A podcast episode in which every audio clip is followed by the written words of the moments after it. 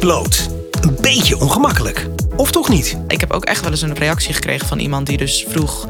heb je een vriend en wat vindt hij hiervan? En toen zei ik, nou, hij staat hier naast me, vraag het hem anders zelf even. Ik ben Koers-Jan de Bruin. En ik ben Christine Kalman, directeur van NFN, de belangenbehartiger van naaktrecreatie. En samen spreken wij diverse gasten over, ja, blootgewone zaken. Voel je vrij? Geef je bloot. Dit is de Blootgewoon podcast.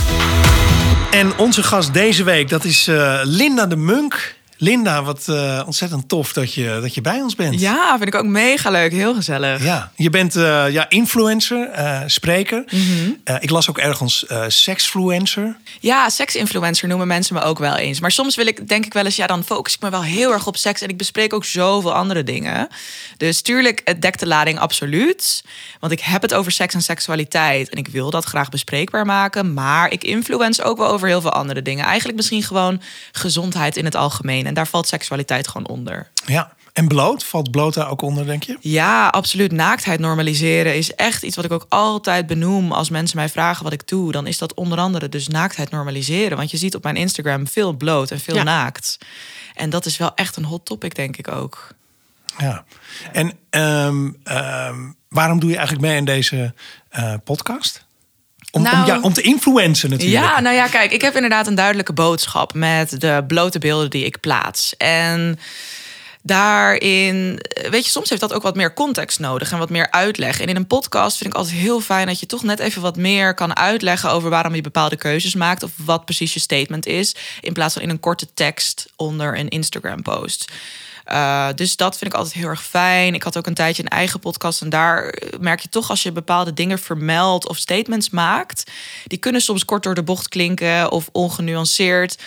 Maar als je ze dan verder kan toelichten in een podcast. en er echt met andere mensen, met misschien gelijkgestemden over in gesprek kan gaan. denk ik dat dat die boodschap gewoon nog sterker maakt. Dus daarom voel ik me heel erg geroepen om in zo'n podcast als dit mijn verhaal te doen. Omdat ja, ik denk dat het andere. Ik heb vooral het gevoel dat mensen die ook zo denken als wij, het heel fijn vinden om te horen. En het hun misschien weer wat woorden geeft aan de, de redenen waarom zij bepaalde dingen doen of zo. Als dat, if that makes sense. Maar in ieder geval, waarom ik het überhaupt zo belangrijk vind om dus naakt te gaan, is eigenlijk omdat het mij zoveel vrijheid geeft. Echt, als ik bloot ben, dan voel ik me zo vrij. En het voelt ook heel erg logisch. En het is bij mij ook wel deels echt een statement, een feministisch statement. Zo is het ook wel begonnen, maar het is een beetje van beide eigenlijk. Ja. Hoe is dat? Is dat, bij- is dat bij- jullie hebben dat vast ook, toch? Dat, die vrijheid Ja, ja, van ja. naaktheid. Ja, ja.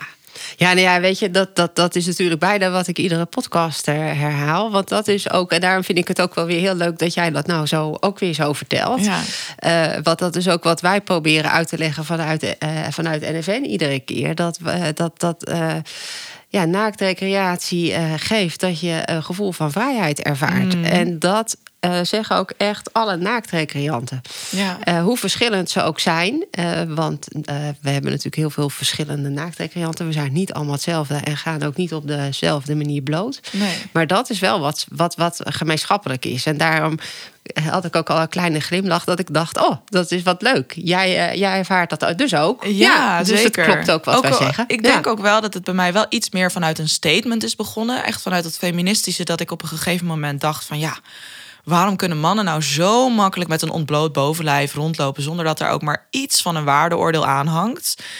En waarom kan ik dat niet doen? Weet je, er komen altijd blikken. Mensen kijken altijd nog even twee keer om als ik ergens topless lig te zonnen. Of, of, of even me snel omkleed. En ik draag al jaren geen BH meer. Dus ja, als ik me omkleed en mijn shirt uittrek, dan ben ik gewoon, heb ik gewoon een ontbloot bovenlijf. Dus ja, ik doe er al jaren niet meer moeilijk om. Maar, ehm, en toen, maar toen was het dus eigenlijk eerst een statement. En later ben ik pas gaan ervaren dat het me zoveel vrijheid gaf. Maar ik denk ook dat het goed is om te benoemen dat ik niet vind dat iedereen maar bloot moet gaan, zeg Nee. maar. Want ik ben dan, deels denk ik ook wel trouwens dat het bij mij echt een beetje exhibitionistisch is ook. Ik vind het natuurlijk ook leuk om mijn naakte lichaam te laten zien. Want ik laat het nou eenmaal aan duizenden volgers Ja. zien ook. Dus dat, ja, het is, dat is niet dat ik daarmee bedoel dat ik daar echt op kik of zo. Maar het is meer gewoon. Ik wil daarmee misschien toch ook wel deels provoceren. Of in ieder geval een bepaald. Ook misschien wel chockeren. Ja. Iets losmaken. Iets Ja. losmaken, En, ja. en ik- dat is ja, natuurlijk anders als je naakt recreëert. Absoluut. Ja. Ik denk dat dat dan veel meer met een integer iets te maken heeft. Ja, Ja, of nou ja. tenminste, ik heb dat eh, denk ik wat minder. Ja. Hoewel Jij ik wel, zou, zou je jezelf bloot op Instagram zetten? Ehm, Nou, als Van ik de daar- achterkant bijvoorbeeld. want Ja, ja, de geslachtsdelen ja, mogen ik- natuurlijk niet op Instagram. Ja, nou, ik zou er niet zo erg mee zitten. Maar het is ook Nee. niet zo dat ik dat eh, bewust... Ja als, er een, ja, als het relevant is of zo voor Ja, mij. Maar ja, dat, functioneel, als het gewoon functioneel en waar- waarom, ehm, waarom vind ik dat eigenlijk? Of vind ik dat eigenlijk? Ja, volgens mij moet iedereen gewoon lekker doen wat hij zelf wil.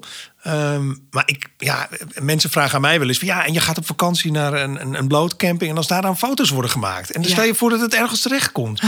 ja, dat, ja. ja. dat, I couldn't care less. Nee, weet je? maar Dus al, dat, al die mensen die daar ook zijn, die hebben hetzelfde doel als jij. Dus wie zou daar ook foto's van maken? Wie zou jouw privacy daarin Nou ja, dat is dus ook een, een ongeschreven regel eigenlijk. Ja. Of nou, zelfs een geschreven regel. Hè? Dat, dat, dat doe je niet. Je ne- neemt geen foto's. Dus dat is eigenlijk ook wel... eh, Maar je, je weet het nooit of er toevallig een keer Nee, iemand binnen... Dat, nee. dat is natuurlijk wel, we proberen dat met z'n allen zo prettig en zo veilig mogelijk eh, te doen. Maar het is niet altijd gezegd dat dat zo is. Dus het zou zomaar een keer kunnen gebeuren. Aan de andere kant ehm, is het natuurlijk wel zo dat je naakt recreëert meestal als een, re- een recreatievorm, hè, dus een ontspanningsvorm. Terwijl jij natuurlijk, wat je net zei, jij hebt een ander doel ook nog voor ogen. Ja, dat jij ja. natuurlijk hebt ervaren hoe fijn het is, hè, wat je net zei. Ja, dat kreeg je er gewoon bij eigenlijk. Dat heb je mogen ervaren. Maar Ja. dat was niet jouw eerste doel. Nee, nee, inderdaad. Nee. Dus Nee. dat vind ik wel grappig. Ik ben steeds meer aan het merken, vooral dat bloot zijn in de natuur. En ik heb toen daar een Instagram-post over geschreven. Toen heb ik heel erg ge- gelijk geleerd van echt heel veel mensen stuurden dat naar mij. Want ik had het dan over nudistencampings. En heel veel volgers zeiden dan: Nee, Linda, volgens mij bedoel jij naturistencampings. En daar schijnt dus nog een verschilletje tussen te zitten. En als ik het, jullie moeten me maar verbeteren of dat, of dat klopt. Maar ik kijk bij- naar Christine. ja, want, Ja. want bij naturistencampings gaat het dus volgens mij meer om echt, echt die een, dat één zijn met de natuur. En echt dat gewoon jezelf eigenlijk niet bedekken tussen, dus zeg maar dat er niks tussen jou en de natuur in komt. Een beetje dat, eh, misschien ook wel een soort spirituele ervaring daarin. En dat nudistencampings misschien toch wat meer te vergelijken zijn met ja, naaktstranden. Ik weet niet of naaktstranden daar dan. Ja, goed, ik vind het lastig, maar er zit net Wij wel ook. een verschilletje Wij tussen. ook. Wij vinden het zo lastig dat wij eigenlijk niet over nudisten en eh, naturisten meer praten, maar over naaktrecreanten. Oh ja, ja. Juist omdat de. Nou, we hebben sowieso natuurlijk de neiging om allemaal mensen in hokjes te Ja. plaatsen. Of onszelf in hokjes te plaatsen. Soms is dat ook fijn, hè? Want dan eh, kan je misschien gelijkgestemde mensen daarin Ja. in ontmoeten. Ehm, wat wij merken is dat er intussen zoveel ehm, ja, verschillende meningen ook zijn over wat een nudist en een naturist is, dat wij het vanuit de NFN niet precies kunnen vertellen. Wat je Nee. wel inderdaad ziet, en die, dat verschil zien wij wel, is dat je wel ziet dat je een groep mensen hebt die het inderdaad veel meer vanuit een levensstijl doen en veel meer misschien, die voelen veel meer daarbij dan dat het alleen een recreatievorm is. Dat is misschien ook net wat je net ook beschreef. Hè? Dat is niet alleen van goh, ik, la- ik, ik laat mijn badkleding thuis. eh, maar daar, daar, eh, nou, die, die ervaren daar meer bij en vinden het ook heel fijn om eh, gelijkgestemden heel vaak te- daarin te ont- ontmoeten. Eh, en voor een heel grote groep in Nederland is het gewoon zoiets van: goh, ik vind het gewoon fijn. Het geeft me een gevoel van vrijheid. Die badka- badkleding is helemaal niet praktisch. Ja. Het zit helemaal niet lekker. Maar daar zit geen overtuiging bij. En ik denk dat daar wel een groot verschil in is, zeg maar, of bloot zijn, nou ja, een recreatievorm is, of dat het net even iets meer is dan dat. En Ja. het is allemaal goed, vinden ja, wij. Als je maar lekker geniet van het, het gevoel van vrijheid wat het je geeft. Ja. Dus ja, op antwoord op jouw vraag te geven, wij weten ook het, precies het verschil Nee. niet meer. Omdat we zoveel verschillende ja, interpretaties daarvan hebben gehoord, dat we dachten, nou, misschien moeten we eigenlijk ook veel meer dat, dat, dat, die, dat gevoel van vrijheid en wat het wel brengt, het gemeenschappelijke wat, wat, wat Ja. het eh, brengt, eh, delen, dan dat we de verschillen gaan benadrukken. Ja, ja, ja, ja, snap ik. Ja, Wat ik wel heel in- interessant vind van wat jij zegt ook net, ehm, dat jij zo'n ontzettend gevoel van vrijheid kreeg, van dat, hè, of krijgt, van dat naakt zijn, wat ik Ja. overigens herken. En vooral En dan trouwens ook wat ik er nog bij wil zeggen, echt vooral naakt zwemmen ook echt. Dat Ja. is echt zo fantastisch. Ja, ik denk dat heel veel mensen die ook gewoon normaal gesproken gekleed gaan en niet zozeer naakt willen recreëren, dat die dat wel herkennen. Dat die Ja. dat wel eens een keer stiekem hebben gedaan. Of Ja. zo. Maar ehm, laat nou net de groep zijn die, eh, die dus niet naakt recreëert, dat dus super onvrij lijkt. Snap je wat ik bedoel? Dat Mm, ja, is, dat, beperkend dat is zo. of, of scha- ja, dat er schaamte aan hangt en dat soort dingen. Nou ja, dus, ja, dat, ja, precies. Dus het voelt voor mensen die daar niet aan moeten denken, wat wij prettig vinden. Het voelt juist dat het heel onvrij. eh, Ja, hè? die, die vinden dat natuurlijk heel onvrij. En dat vind ik zo'n ja, fascinerend idee. Want wij in principe willen wij ook niemand overtuigen. Hoewel ik wel denk van als je eh, Misschien probeer het of inspireren. zo. maar- Inspireren is het natuurlijk wel. Ja. Dus ik hoop, mijn, ik hoop ook mijn volgers ermee te inspireren. Dus en, en vooral ook, ik heb echt wel ook reacties gekregen van volgers dat ze zeiden van nou, Linda, door jou ben ik er echt wel anders naar gaan kijken. En zie ik echt in, want dat is ook mijn grootste boodschap is, naaktheid heeft niet altijd met seks of porno te maken. Lang niet altijd. Nee. Eigenlijk bijna nooit. Want je bent op heel veel andere momenten naakt. Als je gewoon gaat douchen, als je je aankleedt of whatever. Het heeft allemaal niks met seks te maken. Je bent toevallig ook naakt als je seks hebt. Maar Ja. dat is puur toeval. Je kan ook seks hebben zonder dat je naakt bent natuurlijk. Dus ik snap gewoon niet Ja, dat uiteindelijk, die- ben je the eye altijd, uiteindelijk Ja. zijn we altijd naakt. Alleen soms doen we daar kleren Ja. overheen. Maar eh, in essentie hebben we gewoon allemaal een bloot lichaam. Hè? Inderdaad. Dat is wel, en dat is heel de simpelste Ja. realisatie van je bent naakt Ja. geboren en al die uitspraken daarover. Maar heel veel mensen voelen dat niet zo. En die associëren het toch echt met seks en seksualiteit. En dat, ja, dat vind ik erg lastig. Ik, snap, Dat, ik weet dat niet is zo goed hoe natuurlijk ik ook dat la- moet lastig. Want als jij het lichaam alleen zo ervaart, is het Mhm. natuurlijk ook misschien lastig voor te stellen dat je ook gewoon een lichaam hebt waar je je prettig in kan voelen en dat dat gewoon bij je hoort. En dat dat eh, misschien niet iets is waar je voor moet schamen of waar het anderen niet mogen zien of wat Mhm. Ja. alleen maar in de slaapkamer zichtbaar eh, is. Of nou ja, dat is wel heel traditioneel misschien, maar in ieder geval. Ja, dus je- puur seksueel gezien. Ja, puur seksueel Ja. gezien. Dat Ja, je en, het zelf ook misschien puur seksueel dan ziet. ja. Dat blote lichaam. Misschien Ja. Ja, als je het daarmee associeert natuurlijk, eh, ja, dan, dan, dan, dan ga je wel heel anders. Als ik daar ook zelf me probeer in te delen, eh, te denken hoe dat dan is. ehm, ja, dan ga je er heel anders naar kijken. Terwijl ik denk van ja, weet je, ik ben gewoon Christine en ik heb gewoon een lichaam en ik, ik, ik ben daar oké mee. Eh, en ehm, Ja, ik denk inderdaad, Ja. hier kunnen we ook nog twee dingen in onderscheiden. Want je hebt dus eigenlijk je zelfbeeld, hoe je dus eigenlijk naar jezelf Ja. kijkt. En of je je onzeker misschien voelt over je lichaam, of je ervoor schaamt. Of dat nou met die seksualisering te maken heeft of niet. Maar ik denk dat veel vrouwen daar misschien last van hebben. Maar we hadden het er net voor de opnames natuurlijk al even over. Ik denk dat veel mannen er ook last van kunnen hebben. Want we hebben social media en we zien dat perfecte plaatje. En daar kan het deels door komen. Maar ik heb ook veel vriendinnen die op zich helemaal prima zijn met naakt in de sauna en dat soort dingen. Maar dan niet zo prettig vinden om andere mensen naakt te zien. En dan bedoelen ze voornamelijk andere oudere mannen naakt te zien. En dan denk ik inmiddels alweer van... joh, zet je daar even overheen. Eh, Maar het zijn allemaal gewoon mensen en lichamen en boeien. Maar ja, ik merk dat dat vooral... dat ik dat om, om me heen nog heel erg merk. Dus op zich zijn jonge vrouwen... ik ben 28 en dus mensen om me heen van, van dezelfde leeftijd... zijn allemaal best wel oké met gewoon zelf zichzelf naakt eh, geven in hun blootgegeven eigenlijk in een setting waar dat kan. Maar dan zijn, vinden ze, hebben ze toch nog soms een beetje moeite met andere mensen bloot zien. En waar, waar zit hem dat in, denk je? Wat, Ja, ook omdat ons wordt aangeleerd dat, dat die naaktheid met, met seksualiteit, met seks te maken heeft. En ja, dat, En Want dan- het is juist eigenlijk mooi, toch? Dat je eh, juist in, eh, in zo'n sauna eh, juist alle lichamen ziet, Ja. jong en oud. Eh, en ja, het is maar net hoe je natuurlijk naar oude lichamen kijkt. Of Mhm. überhaupt naar oude mensen. Maar ik denk altijd dat oude mensen... Ik vind die- dat wel mooi. Je ziet Ja, gewoon dat die hun leven hebben. Ge- Oh ja, en, dat en, dus en, ook. en, en we veranderen gewoon. Je ziet er ook niet meer uit als baby. Ik bedoel, eh, dat willen we op een gegeven moment Nee, ook niet. nee, Dus nee. ja, weet je, we hoeft- veranderen in de ja. leeftijd. En ik denk dat alles mooi op zich is. oh zeker. Alleen wij hebben met elkaar wel een beetje bedacht dat oudere mensen, hè, dat, dat zie je in alles, hè? dat je het niet meer zo heel erg meetelt als je ouder Ja. bent. Terwijl in sommige landen is juist oud, dan ben je wijs, Eh, dan heb je respect. Nou, Ja. Dat, hebben we, dus dat kennen wij in Nederland En het is zo. Echt zo'n wereld van verschil. Als je dus mensen die luisteren herkennen, die, die vaak naar sauna's gaan, die herkennen dat of überhaupt naakt recreëren. Maar als je eigenlijk kijkt naar wat we zien op social media en al het perfecte en het bloot wat we daar eigenlijk zien. En ik vind het soms wel lastig, want ik ben me daarvan bewust dat ik daar misschien soms wel een beetje aan mee kan doen. Omdat ik toevallig wel een lichaam heb die redelijk voldoet aan het westerse schoonheidsideaal. Weet je wel, wit, blond, slank. Dat, dat is nou eenmaal wel wat mens, mensen in onze maatschappij zien als perfect. Ja. En Nou, dan moet je daar eens wat aan doen, eh, Linda. ja, moet, ik- moet ik even wat minder. Maar de- ik, ik, ik, ik ben dus wel van, want ik laat bijvoorbeeld wel al mijn lichaamshaar altijd staan. Ik heb bijvoorbeeld okselhaar. Nou, dat zie je niet zoveel bij vrouwen. En dat is denk ik wel waarin ik me weer onderscheid en waarin, waarmee ik dat schoonheidsideaal een beetje probeer te doorbreken. Maar als je dan ineens kijkt in de sauna, dat is pas het echte diverse beeld. Weet Ja. je, hoe erg we ook proberen op, Ja. op, op social media dat diverse beeld van lichamen te laten zien. En we hebben de body positivity beweging, waar alsnog prachtige vrouwen in bikini poseren die eh, een maatje meer hebben, om het heel netjes te zeggen. Maar in die movement wordt ook gewoon heel graag het woord dik gebruikt als woord zonder enig waardeoordeel daaraan vast. En dus eigenlijk dikke mensen, dunne mensen en alles daartussenin. Dat, dat, dat proberen we op social media heel erg te laten zien.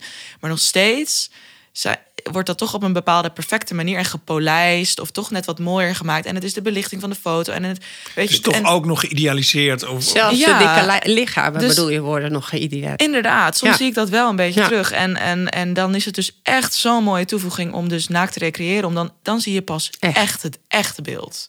De echte diversiteit in de maatschappij. En Ja. dat heeft mijn beeld van lichamen zo veranderd. En ja, dat, ja dat, dat, dat, ik, ik gun dat iedereen eigenlijk. Om, Ja. dat, om dat te zien, in te zien. En daardoor niet meer onzeker te zijn over je eigen lichaam. Nee, want uiteindelijk maken we dat met elkaar, hè, die onzekerheid. Ja, dat blijft Ja. ook in stand gehouden worden door, door daar inderdaad een soort Ja. van in mee te gaan. Maar vertel eens over jouw reis. Want je bent natuurlijk ooit begonnen als YouTuber. Misschien is dat nog wel even leuk, zeg maar, om eh, ons mee te nemen van hoe je. Hoe dat ja, al hoe is je- begonnen. Ja, en Ja, welke ontwikkeling je hebt doorgemaakt dat je nu hier zit. Mhm. Ja. Nou, ik, was, eh, ik ben op mijn vijftiende dus ooit begonnen met YouTube-filmpjes maken. En ik deelde toen heel graag mijn leven. Dus ik vlogde en niemand wist nog wat vloggen was. Het is 13 jaar geleden. En vloggen was nog een beetje zo in Amerika. En nou, ik begon dat ook te doen. En ik voelde al heel erg die behoefte om mijn leven online te zetten, mijn leven te delen. Dat ging toen nog lang niet over seksualiteit. Want ik was zelf heel jong. Ik had nog niet eens ooit seks met iemand anders gehad. Dus eh, dat, dat, dat, dat, dat, was ik wel heel erg achter de schermen eigenlijk aan het ontdekken. Dus waar ik op mijn twaalfde bijvoorbeeld al merkte eh, dat ik eh, ook wel op meisjes kon vallen. En daar toen nog heel onzeker over was. Huilend bij mijn moeder zat van... mam, ik denk dat ik biseksueel ben. Toen begon dat al wel een beetje te spelen. Dus mijn hele tienertijd ervaar ik heel erg als veel onzekerheid over seks en seksualiteit en die beleving daar ook. Ik had ook altijd het gevoel dat ik veel meer met seks bezig was dan mijn klasgenoten bijvoorbeeld. Maar ja, niemand sprak erover, dus je wist dat niet. Nee. Nou, toen begon dat YouTube-verhaal en uiteindelijk rond mijn twintigste ben ik dan ook open die onzekerheden gaan delen. Dus die ervaringen die ik altijd had rondom seksualiteit, van waar val ik nou op, mannen, vrouwen of allebei. En dat heb ik toen ook op mijn achttiende ben ik echt pas echt uit de kast gekomen. Dat heb ik toen open gedeeld op YouTube en dat werd zo goed ontvangen, zo goed gewaardeerd eigenlijk van andere jonge vrouwen die mij volgden, die eigenlijk ook al misschien een beetje naar mij opkeken, want ze volgden mij al doordat ik mijn, mijn leven al heel erg liet zien en toen ook nog over die kwetsbaardere onderwerpen ging Ja. praten, merkte ik dat er eigenlijk heel veel mensen waren die zich in mij konden herkennen en ik net zo goed weer in hun, want ik had ook een bevestiging van, oh ja, ik ben niet de enige.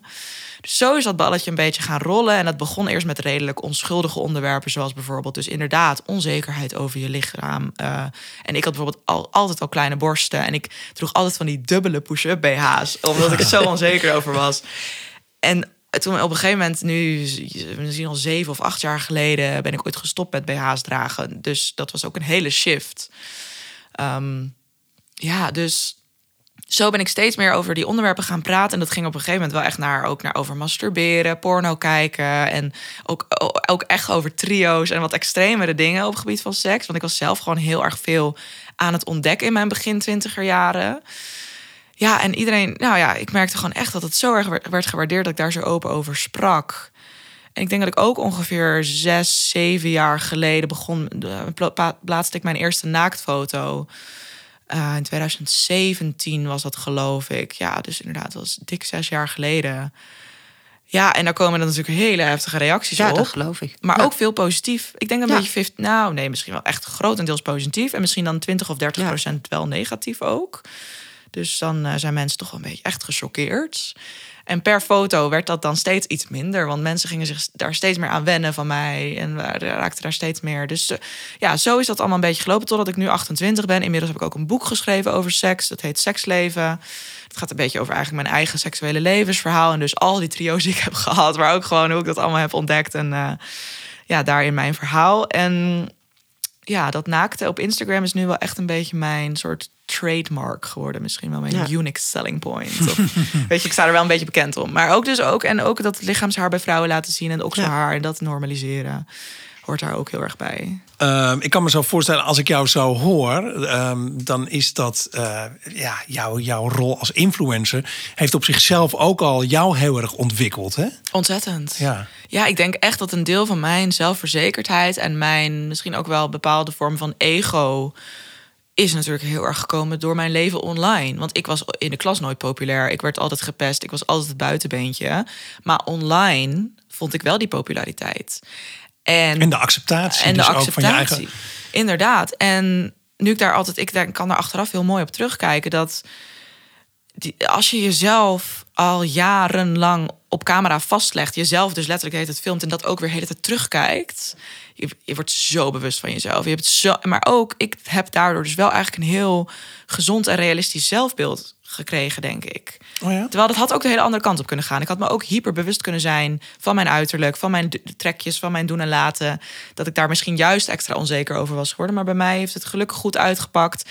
Ben ik daardoor heel, heb ik echt een heel positief zelfbeeld daarvan aan overgehouden. Maar dat speelt misschien ook mee dat je als je. Je krijgt online natuurlijk inderdaad die bevestiging. En als je dagelijks hoort: Oh, Linda, wat ben je leuk, wat ben je knap, wat doe je het goed. Ja, dan, ja dat, dan ga je dat toch ook wel een beetje geloven, natuurlijk. Eh, ja, dat, dus da- daar ben ik ook heel dankbaar voor. Ik ben heel blij dat dat Ja. zo bij mij is gebeurd. Ja, Je hebt het natuurlijk wel ook allemaal zelf gedaan, uiteindelijk. Ja, Ja, dat absoluut. wel. Ja, Ja, ja, je mag ook ja. trots zijn op de dingen die Ja. je doet en goed doet. Zeker, maar ik heb die onzekerheden wel heel erg gekend. En nog steeds erva- ervaar ik struggles Ja. en dingen. En kan ik. En daar nog steeds. Nu ben, ik bijvoorbeeld ook steeds meer het onderwerp van mentale gezondheid aan het aansnijden op mijn Instagram. En ja, daar, heb ik, daar struggle ik ook gewoon mee. En, dan, en, en eh, dat zijn dingen als PMS en eh, het vermoeden dat ik misschien wel ADD heb en dat soort dingetjes. Dat, dat kan me ook heel onzeker maken. En ehm, dat heeft niet zozeer met, met meer met oppervlakkige uiterlijkheden te maken, maar dus meer met innerlijkheden. Maar misschien hoort dat ook gewoon bij ouder worden en je ontwikkelen als persoon. En onzekerheden blijven altijd. Ja. Maar ik denk daar luchtig en open over kunnen spreken helpt al heel erg en kan anderen ook weer helpen. Dus dat is op het gebied van naaktheid, maar dus ook gewoon op, op andere vlakken is eigenlijk kwetsbaarheid misschien nog wel echt heel erg mijn de kern van wat ik doe. Me kwetsbaar opstellen Ja. en daar hopelijk anderen mee van dienst zijn. Ja, want het is natuurlijk wel grappig als je naar jouw ontwikkeling kijkt. Hè, dan, dan begon het heel erg met seksualiteit. Nu, heb- waar we net mee begonnen, is dat je zegt van ja, maar eigenlijk daardoor nou, ben ik ook veel meer anders naar het lichaam gaan kijken dan alleen maar seks. Hè? En, en dat het ook heel fijn is om bloot te zwemmen en, en, Ja. en, en, en, en gewoon lekker in de natuur te zijn. Eh, had je, dat had je denk ik van tevoren niet zo bedacht al, dat je die Nee. ontwikkeling... eh, Nee, niet, niet per se dat ik daar dan ook zo open online over zou Nee. zijn. Want ik ga, ga wel sinds mijn 17e of 18e met mijn moeder ging ik altijd naar de sauna. Dus zo, zo is dat Ja. naaktheid, dat, dat ik zo comfortabel Ja. naakt was, is dat begonnen. En op een of andere manier, dat schiet me nu ineens te binnen, denk ik dat het ergens ook wel een rol speelt dat ik altijd heel veel gay vrienden heb gehad. En dat ik daar ook altijd heel makkelijk mee naakt kon zijn. Of in ieder geval daarbij, daarbij bij, ik ga ook altijd heel vaak naar, naar gay festivals en naar bijvoorbeeld op de Pride en zo. Daar voel ik me altijd heel comfortabel om dus ook topless in ieder geval te zijn in het openbaar als ik tussen de homo's ben eigenlijk, om Ja. het heel plat te zeggen. En daar, dat, dat, dat, ehm, ik weet echt niet waar ik nou naartoe wil met mijn verhaal, maar in ieder geval de journey daarin.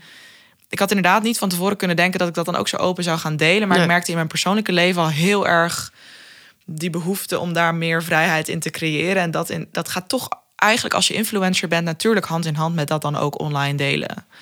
Ja, Ja, wat, wat je natuurlijk net zei, waar je mee begon, was vooral dat je de vrijheid daarbij had ontdekt. Of hebt gevoeld. Dat je dat voelt. ja, Ja. inderdaad. Ja, Ja. en gewoon, ja, ja dat is, het is echt die vrijheid, maar toch ook wel altijd weer, to- toch dat stukje, ja, iets willen doorbreken of zo. Steeds opnieuw denk ik weer, als ik bijvoorbeeld een hele blote outfit aandoe naar een festival, ja, dan is het altijd heel dubbel, omdat het veel reacties oplevert. Wat ook Ehm, fijn is. Wat, Of ergens, ja, want mensen vinden het vaak goed. En vind, nou, die, die- maar, dan, maar toch wordt er ook veel gekeken. Ehm, en dan denk ik toch, ja, is het, eh, ja, het is een heel lastig iets. Want ergens weet ik dat ik er iets mee doorbreek. En dat, dat ik andere mensen laat zien van... kijk, ik kan gewoon zo bloot zijn als ik wil... en het heeft niks met seks te maken. En jij hoeft mij niet te gaan objectiveren of seksualiseren. Maar toch voel ik me dan ook heel erg bekeken... en beperkt het me soms ook wel eens weer. Dus soms doe ik niet die blote outfit aan... omdat ik alweer bang ben van tevoren. Ja, dus je denkt er eigenlijk wel. Het, Ik valt denk op dat je er erg over nadenkt. Absoluut, ja. Waarom is dat eigenlijk een, een, een probleem eigenlijk. Het is en dan, mij... ja, en dan vind ik het dus heel moeilijk om als hetero of nou niet, ik ben, ik ben dan niet hetero, maar om dan in, als, ik bedoel, als vrouw gewoon eigenlijk, als cisgender vrouw, ehm, in een hetero omgeving, waar ik eigenlijk zelf heel erg alsnog in zit, want ik heb ook een heteroseksuele relatie en bla bla bla, voel ik me toch niet veilig in die hele hetero omgeving en wil ik me daar soms een beetje van disassociëren, omdat ik merk dat hetero's over het algemeen, en dat ik weet dat het heel generaliserend is, maar toch. Ja, misschien doe ik dan toch vooral hetero mannen. Uh, ik vind het lastig om te zeggen, maar ik ervaar Ik ben dat- heel erg benieuwd. Ja. Kom op, kom op. maar ik voel me gewoon minder veilig in een omgeving waar veel hetero mannen zijn. En als ik aandoe wat ik aan wil trekken, half bloot, dan voel ik me minder veilig bij hetero mannen dan bij gay mannen. En dat is een beetje het punt wat ik probeer te maken, denk ik. Dat vind ik heel lastig omdat ik weet dat er ook absoluut open-minded feesten en festivals zijn waar het wel zou kunnen. Maar gewoon de standaard festivals. Eh, ja, ga ik toch liever naar een open, meer open-minded omgeving. Als in de LGBT-community. En die mensen die daar allemaal gewoon lekker queer en vrij zijn. eh, dan dus in een hetero-omgeving feesten. Nou, de, als ik, ja, Ja, nog steeds. nee, ik vind het lastig om zo, te, zo te Ja. generaliseren. Maar ja, dat is, dat is wel hoe ik het eh, tot nu toe altijd nog heb ervaren. En daardoor wil ik het alsnog blijven doen. Om net een beetje die eh, net iets blotere outfit aan te doen. En dan heb ik het over bijvoorbeeld een high-waisted onderbroek met gewoon een topje. En als een soort bikini-outfit en dat dan. En dat, dat vinden toch nog heel veel mensen heel heftig. Ja, en, en dan doe je het natuurlijk nog in openbaar. Ik zit dan gelijk te denken, wat jij nu zegt... is dat dan ook een beetje wat vrouwen voelen om niet topless te zon? Hè? Want Ja. wij hebben het natuurlijk over recreatie. Wat jij doet is natuurlijk eigenlijk... ehm, nou ja, naar- dat is niet naar een festival gaan... is natuurlijk wel... Ook wel recreatie. maar... ehm, Kijk, het is inderdaad anders dat ik half bloot ben in een setting waar de meeste mensen wel gewoon redelijk veel kleding aan hebben. Ja, Uh, terwijl het is lastig, Dat maakt het want er verschil, zijn wel Ja. festivals waar heel veel mannen topless zijn. ja, Dat, want ik ga veel naar technofestivals en op een gegeven moment gaat al die shirts uit. ja. En dan als ik dus zeg maar met in een onderbroek loop, is dat heel heftig. Ja, het is grappig, want hier sla ik wel op aan. Want ik Ja. was laatst ook bij een festival. En dan heeft mijn vriendin, daar was ik samen met, me, eh, met mijn vriendin in dit geval. En die heeft dan zoiets Koer, doe lekker dat, dat shirt uit. Dat je Ja. gewoon ook echt lekker in je blote bast. Dat vindt ze ook fijn. En, Ja. en, en ook niet alleen maar per se seksueel. En ik merk dat ik dan toch snel zoiets heb van, ja... Maar dat, dat staat zo macho. Of dat, Mhm. ik, ik wil niet zo gezien worden. Dus ik kijk dan toch ook heel erg met de ogen van een ander naar mezelf. Ja, ja, ja. Ehm, eh, dus ik, ja, daar moest ik, daar moest ik dit. even aan denken. En heb jij dan niet de gedachte dat je ik denkt... voel me dan dus niet helemaal vrij dan. Precies, want denk jij dan ook niet van... ja, maar ik kan dat wel doen, maar mijn vriendin zou dat nooit kunnen doen. Topless, daar lopen. Dus, want mijn vriend zegt wel eens... ja, ik, heb nu, ik ga niet mijn shirt uit doen, want jij kan dat ook niet doen. Vind ik dan lullig voor jou? Ja, nee, ja, ik snap wat je bedoelt. Ja. Ja. Ja. dus de, de, want bij mijn eh, vrouw, als die dat doet, dan zou dat zoveel meer losmaken nog. En wil je dat wel aangaan? Ook al zou je dat moeten kunnen doen, maar Mhm. wil je dat dan aangaan? Die, die, ja, die strijd bijna. Ja. Of eh, al die blikken. En ja, interessant. Nee, ja, voor mij zou ze het mogen doen. Dus het is voor mij niet zo. En dat meen ik oprecht. Het is niet zo dat ik denk, nee, ja, die borsten zijn van mij. Nee, nee, nee. Eh, dus nee. als zij daar echt, weet je, dat heb ik helemaal niet. Nee. Ehm, maar ja, Mijn vriend heeft dat gelukkig ook niet. Ik merk ook, want ik sta bijvoorbeeld, ik ben eh, ook bijvoorbeeld ambassadeur van de Pride, van Pride Amsterdam. Vorig jaar en dit jaar weer. En toen vorig jaar, dan sta, mag je dus op de eerste boot staan. En toen heb ik dus ook, stond ik als enige eigenlijk topless te dansen. Ehm, en dat, dat was ook, ik vond het bijzonder dat hoe erg op de Pride dat nog steeds best wel een ding was. Dat iedereen dat heel erg goed vond en fantastisch. En dat, is, dat, dat vond ik fijn. Maar ook dat sommige mensen echt wel gechoqueerd waren daardoor. Ik had ook gehoopt dat ik aan de kant, dan, want je vaar je natuurlijk door die grachten en dan zie je al die mensen aan de kant staan feesten ook. Dat, ik had gehoopt dat ik daar ook meer borsten zou zien. De, de Pride is toch echt dat je een je feest. gesteund zou voelen. zo. Ja, ja, precies. Maar het heeft ook te maken met dat als je de eerste boot bent, dan begin je al om 12 uur met varen. En dan is niemand nog echt dronken. En dan. Maar ja, ik doe dat ook. nu- Ik feest ook nuchter namelijk, want Ja. ik drink niet meer. Dus nou ja, dan, dan sta ik daar ook nuchter Ja. topless te dansen. En ik, ik voel me dan heel bekeken. En ergens vind ik dat dan ook wel weer wel fijn. Maar ik maak daar dan een statement mee. Maar het is ook een setting waar het echt kan. Ehm, ja, dus nou ja, goed. Dat Nou ja, is wa- nog een beetje een wat, ontdekking. Wat, wat mijn ervaring is, even wat jij net zei, triggerde mij ook wel. Over van, goh, ik zou dat goed vinden dat mijn vriendin dat doet. Ik weet dat ik de, mijn eerste in, radio-interview deed toen wij eh, eh, een paar jaar geleden gingen starten met de Nationale Toplessdag. Eh, en dat ik helemaal een interview had met die jongen. En nou, alles vroeg over die toplessdag. Eh, toen waar, ging de, gingen de microfoon uit. Toen had ik hem nog even aan de telefoon daarna. Toen zei hij, nou... Ik, eh, ik weet niet wat ik daarvan zou vinden eh, dat mijn vriendin dat ze noemt. Want ja, haar borsten zijn toch een beetje van mij. Oh mijn god. Oh nee, dit kan ik echt niet aan als mijn En- feministische hart. En eh, nou ja, dat, dat merk ik ook wel. Dat ik, eh, die vond ik ook wel lastig. En Ja. je ziet best wel vaak dus dat dat, dat zo eh, daarover gesproken wordt. Eh, dus ik vond het, het is goed dat jij dat inderdaad zei. Maar je hoort dus heel veel mannen ja. dat ook nog zeggen. Maar wat, ik, wat mij dan ook wel weer verbaast... dat heel veel vrouwen dat ook nog wel als oké vinden... en zich dan een soort... Gaan wat ik vroeg, aanpassen. ik vroeg van, goh, wat vindt jouw vriendin? Ik dacht, laat ik niet gelijk een oordeel. Hè? Dus ik zeg, goh, wat vindt jouw vriendin daarvan?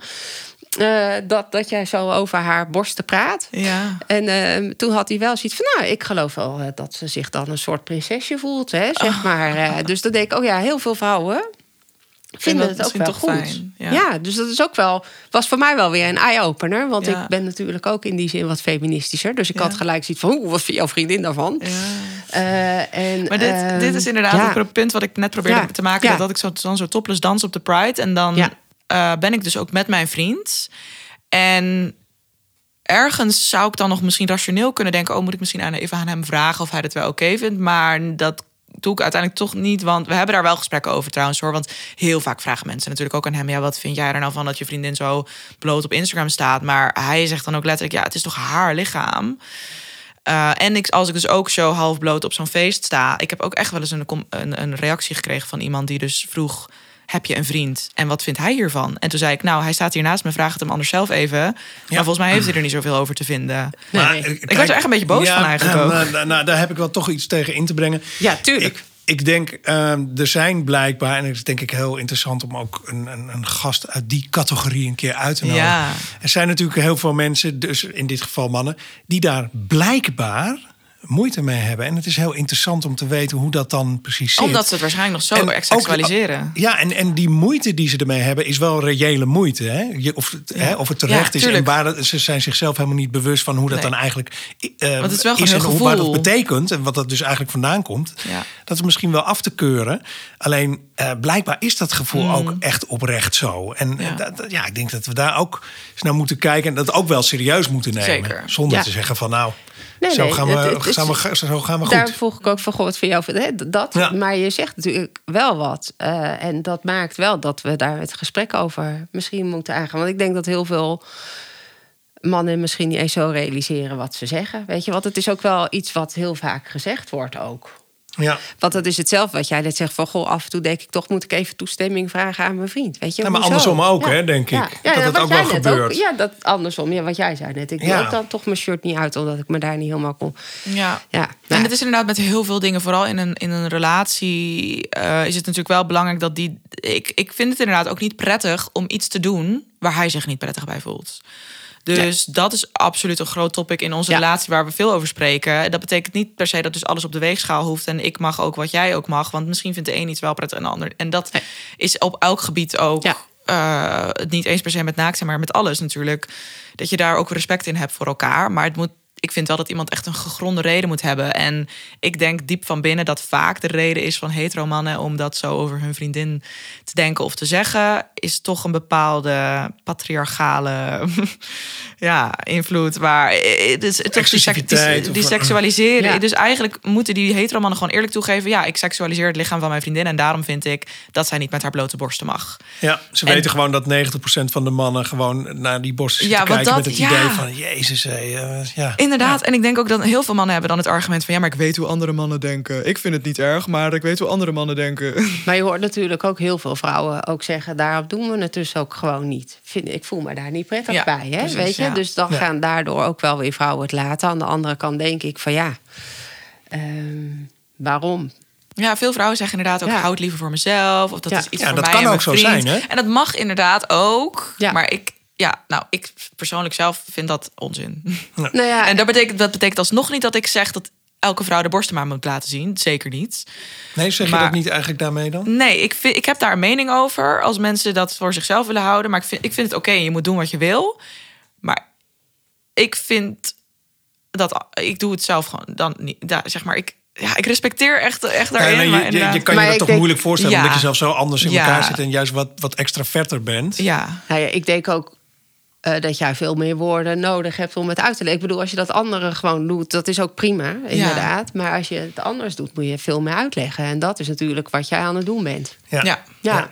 Inderdaad. Ja. Ik las trouwens in een, eh, een post van jou recent dat je eh, ook op zoek bent naar een leuke eh blootcamping. Ja, Eh, en ja, dat je ook nog tips wil hebben. Heel graag. Ja, maar jij, en jij had het net van, de, van tevoren al even over, over uh, naturistencampings in Frankrijk. Want daar hoor ik veel over. Dat in Frankrijk is het helemaal een ding, toch? Daar is sowieso heel erg veel te kiezen. Maar daar weet Christine natuurlijk heel veel van, sowieso. Maar in, en in Nederland dan? Want ik woon Oh. zelf bijvoorbeeld in Groningen. Is daar iets leuks in de buurt? Nou, dan zou ik bijna zeggen, kijk op Bloot Kompas. Eh, want daar staat alles. Daar staan wereldwijd alle, alle eh, eh, locaties. En Ja. dat gaat niet alleen over campings, dat gaat over B&B'tjes. Ja, alles, want ik heb dus laatst in cruises, ik- alles wat je Dit wil. vind ik, ik ben helemaal enthousiast. Want ik heb dus laatst in de, in de aflevering van Ik Vertrek. Ik weet niet of jullie nu weten waar ik het over heb. Een homostel die dus een nu, nudist B&B heeft geopend vlakbij Malaga. En ik ben dus echt van plan om daarheen te gaan. In, ergens in, in, eind in de zomer. toevallig. Ja, dus dat lijkt me toch zo heerlijk. Dat je 's ochtends wakker wordt, niet hoeft na te denken... wat moet ik aan? En gewoon naar buiten loopt. Ik zou zeggen, luister naar een van onze podcasten. Oh my god, zijn zij te gast? Komen zij te gast? Ik zal een Oh. handtekening vragen. Ik, zal een handtekening zo- ze ja, maar vragen ik voor ben jou. zo fan van. Ik heb ze nog een berichtje gestuurd na die aflevering. Ik was tien minuten van die aflevering aan het kijken. En ik dacht al, dit is mijn roeping. Oh, ik moet daarheen. Ik moet daar. En dan vind ik het nog steeds vind ik het interessant om te vermelden. En eerlijk ook om toe te geven van mezelf. Dat het een gay koppel is. Geeft mij een heel veilig gevoel als ik daar als vrouw alleen heen ga. Ja, ja. Hoe Ja. kut ik het ook vind. Want ik weet zeker dat als het een hetero koppel was geweest. Dan had, dat, dan had het net was zo je goed. net zo welkom. Maar Ja. toch voel ik gewoon die vibe heel erg. Ja. Ja, ja ik weet Nou, niet. dat mag ik weet gewoon, niet. Ik dat heb mag gewoon, zo'n zin om daarheen te gaan. Nou, ja. ga vooral naar ze luisteren. Ja, ja, ja, ik ben heel benieuwd. Zeker. Ja. Nou, Linda, ik vond het leuk. ik ook mega leuk. Ja. Het is toch een superleuk onderwerp om over te praten. Ja. Zeker, ja, we kunnen nog wel even doorgaan, hè, maar dat gaan we niet doen. Nee, jammer. Nee, dankjewel. Heel Ja. eh, fijn. Bedankt voor je openheid. Jullie ook. Graag gedaan. Deze podcast is een initiatief van Bloot Gewoon, de belangenbehartiger van naaktrecreatie in Nederland. Wil jij nou ook dat naaktrecreëren geaccepteerd wordt en bespreekbaar blijft? Ga dan naar blootgewoon.nl en ja, word lid. En trouwens, abonneer je op deze podcast zodat je op de hoogte blijft van nieuwe afleveringen. Tot de volgende!